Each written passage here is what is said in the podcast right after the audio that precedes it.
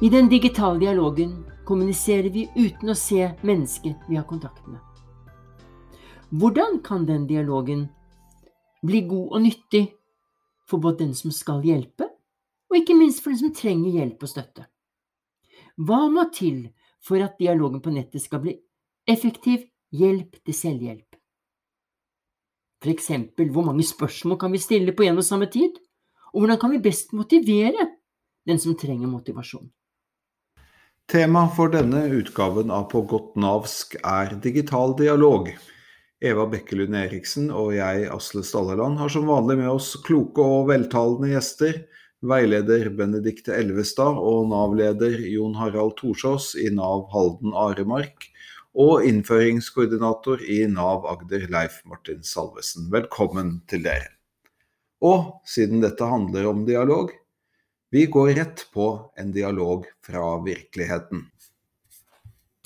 Hei, har du mulighet for å skrive ned hvordan en uke utarter seg for deg? Trenger det for å kunne dokumentere din grad av funksjon i hverdagen? Jeg kan gjerne ringe deg, så kan du fortelle over telefon hvis det er enklere for deg. Hei, ja det kan jeg få til. Trenger litt tid på det. Går det bra med at det blir gjort i løpet av uken? Hei, bare ta den tiden du trenger. Hva synes dere om eh, denne dialogen? Eh, først Leif Martin. Ja, jeg var jo glad du spurte meg om det, og ikke min, min funksjon i hverdagen, for det første. Eh, så tenker jeg at det er, det er, så mye vi kunne gjort i den skriftlige dialogen vi har med menneskene som vi har ansvar for, som kunne vært skrevet litt mer motiverende, litt mer inspirerende, og faktisk vist at vi er interessert i det mennesket som vi snakker med. Eh, bare det at vi skriver Det er ikke noe hast for oss. Eh, det, det, er vel litt nesten underforstått. Du er ikke så viktig for oss. Mm. Så det, det, er så mye vi kunne ha, ha gjort med måten mm. vi kommuniserer på. Ja, Jon Harald, er det lett å ha altfor god tid på andre menneskers vegne når vi bare møter de digitalt? Når jeg hører denne dialogen, så opplever jeg veldig sterkt at språk er makt. Eh, vi har, som du sier, veldig god tid eh, på andres vegne. Her er det en språkbruk og en, eh, en rett og slett respekt for innbyggeren som, som, jeg tror dessverre er en gjenganger flere steder. Og jeg tenker språk handler veldig mye også om hvilke verdier vi som f.eks. jobber i Nav, da, eh, har. Hva, hva, er det egentlig vi uttrykker gjennom denne dialogen? Eh, og her har vi i samarbeid med Agder og Troms og Finnmark gjort et veldig spennende arbeid nettopp i forhold til, til brukerens dialog. Da må du fortelle litt mer om det. Det hele startet jo med Mulighetskonferansen, en læringsarena som både Leif Martin og jeg er veldig veldig opptatt av å bruke aktivt, men ikke minst ha åpne øyne for gode tjenesteinnovasjonsprosjekter rundt omkring i Norges land. Og Troms Finnmark har jo vært pionerer. De har valgt å bruke aktivitetsplanen på en litt ny måte. Eh, og fra et lederperspektiv så ser jeg jo veldig at medvirkningen til innbyggeren vår har hatt et veldig sterkt fokus. Eh, vi opplever vel når vi går litt i egne porteføljer og ser på hvordan foregår egentlig denne dialogen, så er det veldig mye medisinsk behandling. Det er veldig mye eh, begrensninger eh, og arbeidsretting og, mulighetsrommet blir veldig lite utforska. Og så savner jeg da hva med innbyggeren selv? Bør ikke innbyggeren også få mer innsikt i hvordan vi jobber? Hvordan vi jobber i dag, hvordan vi har et oppfølgingsløp. Vi har faktisk tenkt mange tanker ganske tidlig. Eh, og, og det å dele, det å få innbyggeren til å medvirke i sin egen sak, det var ting som virkelig jeg tenkte dette må vi jobbe noe med. Og så har jeg da gode kollegaer som Leif Martin, så, som hadde ideen også på papiret. Dette er jo spennende. Og, da, Benedikte, det er jo du som sitter og jobber med disse dialogene i, i hverdagen. Hva er tipsene for å få til alt dette Jon Harald forteller om her? Jeg tror det som har vært eh, hovedendringen da, eh, i måten å jobbe på, Eh, er rett og slett det at eh, man holder deltakerne, da, eller innbyggerne våre, litt mer oppdatert eh, på hva som skjer i deres egen sak. Eh, jeg kan jo ta et eksempel. Eh, hvis jeg henter inn en legeerklæring, kan jeg legge inn det i aktivitetsplanen og skrive at eh, nå venter jeg på legeerklæring. Jeg tar kontakt med deg for møte når jeg har mottatt denne. Så har vi vel også en tendens til å bruke mange ord på å si enkelte ting. Altså I tillegg til å være innføringskoordinator i Agder, så har jo du også jobbet ved kontaktsenteret nå sist en periode under koronakrisen. Og, og, og, hva slags dialoger har du sett der? Ja, jeg har vært så heldig å komme tilbake inn til kontaktsenteret. Det er jo der jeg har hatt min oppvekst i Nav, hvis du kan si det sånn. Så jeg har jobba der det siste året og, og, og, svart på skriftlige spørsmål som innbyggere har sendt til Nav. Og jeg vil si med en gang, Kontaktsenteret har alltid vært utrolig flinke til å skrive tydelig, eh, ha en blanding av jovialt og, og formelt språk. Landa på en veldig fin middelvei der, syns jeg. Eh, og de skriver på en empatisk og god måte. Men av og til så faller vi litt ned i, og det gjør jeg sjøl òg, litt ned i en sånn standardtekstfelle, vil jeg kanskje kalle det. Der, eh, jeg kan ta et konkret eksempel. Da, når en, en, person spurte om inntekten som han hadde hatt fra et tiltak han hadde vært på. Er dette med når dere beregner dagpengene mine? spurte vedkommende. Så fikk han et svar fra Nav. Et langt, utførlig svar. Masse ord, masse begreper. Eh, Bl.a. om eh, med lovhenvisninger, det var snakk om skattbar inntekt, det var snakk om arbeidsinntekt. Eh, og så henvender han seg en gang til og, spør Nav en gang til. Takk for svaret, men var det et ja eller et nei? Og, han hadde jo på en måte fått et formelt korrekt svar forrige gang, der det sto innfløkt på et vis, da, med at dette her teller ikke med. Men da kunne jeg da heller svare nei med litt mer hyggeligere tone og litt mer uformelt språk. Vi snakker nå om eh, det empatiske, motiverende språket. At vi skal være gode på å motivere og støtte. Ja, hva, hva vil det si? Hvilke ord er det vi bruker da? Eh, det som jeg er veldig opptatt av, er jo å bruke, altså rose. Selv om ikke det er eh, så veldig omfattende ting som er gjort. Eh, det kan være f.eks. bare å legge inn en aktivitet i aktivitetsplan. At man gir en tilbakemelding på det er helt supert. Nå, se, nå, kan jeg se det, og nå har du også på en måte fått lagt inn en god aktivitet for deg som du kan følge. Så det er liksom de, de små tinga. Det trenger ikke å være så store ting for at vi skal kunne gi en positiv tilbakemelding på det. da.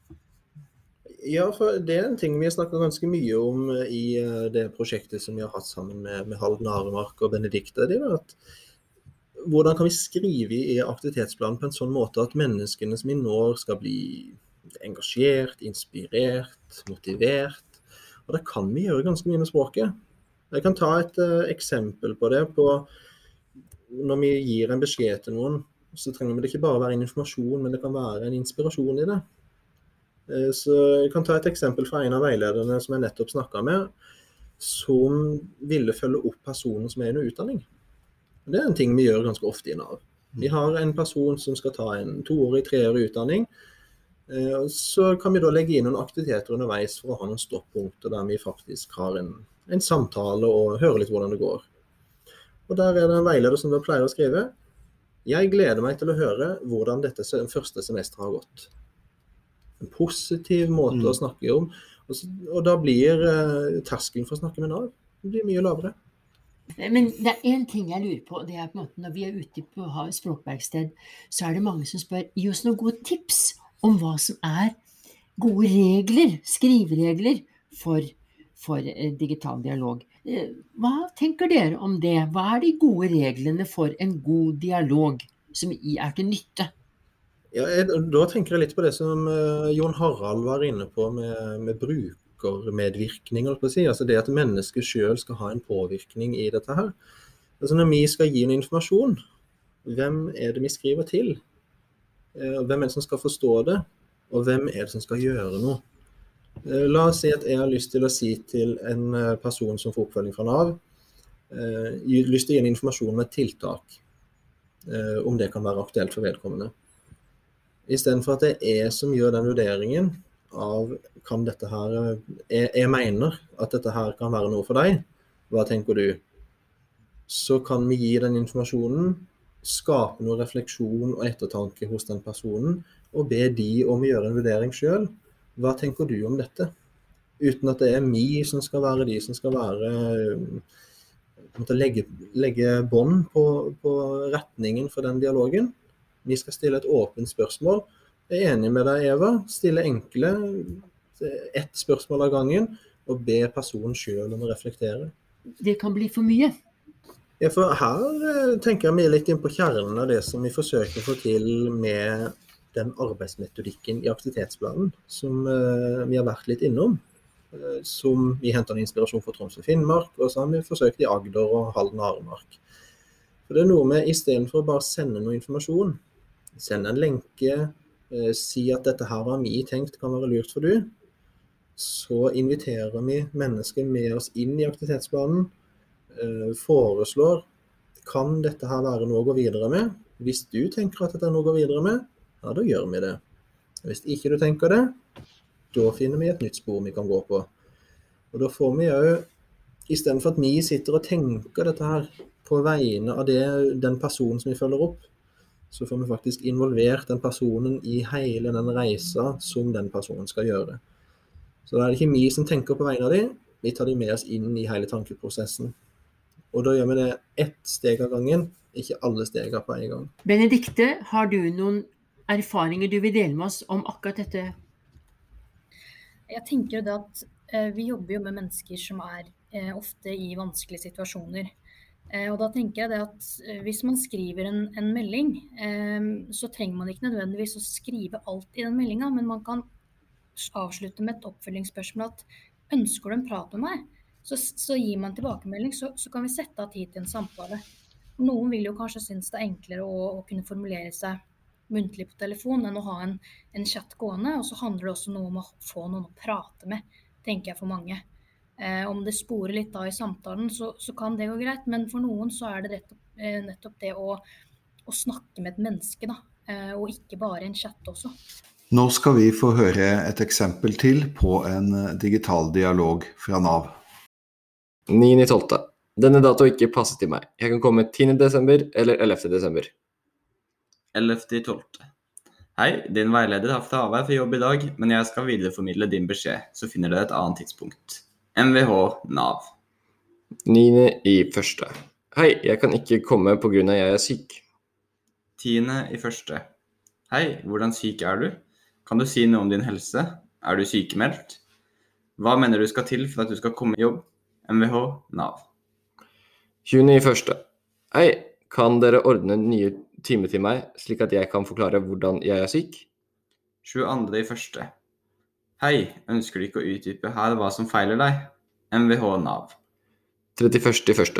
Hei, nå er jeg frisk igjen, og jeg fortsatt leter etter jobb, men dere vet jeg ikke kan verken lese eller skriver.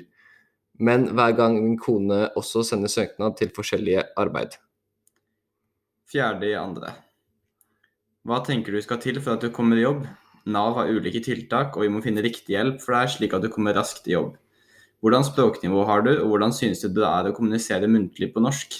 MVH Nav. 10.2. Kan snakke norsk og kan ikke skrive eller lese, så dere må hjelpe meg. Kan dere sende en, en avtale med dere slik at jeg, slik dere kan kjenner meg bedre? Med en dialog? Benedikte, når du hører en sånn dialog, hva tenker du da?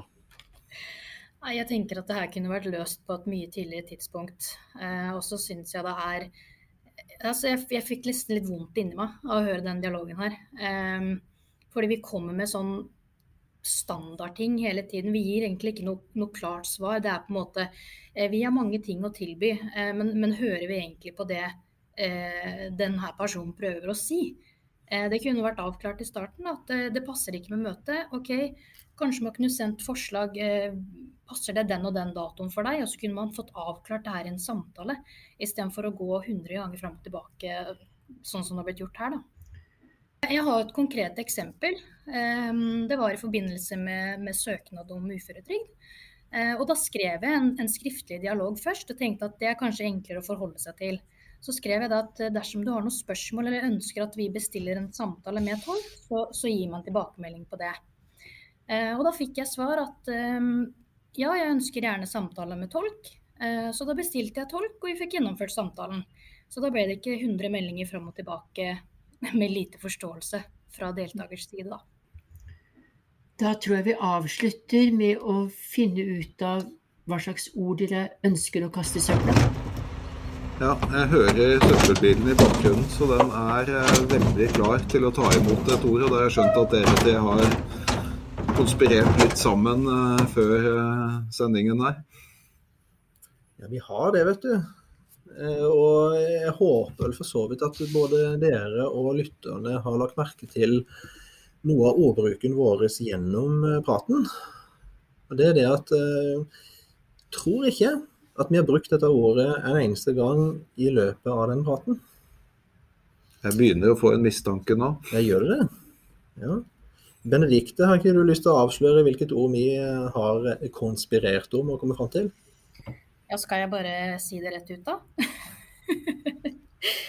Nei, vi ønsker å kaste ordet bruker, rett og slett. Det er dynamitt. det er kan, dere, kan dere begrunne det, og kan dere erstatte det med noe annet?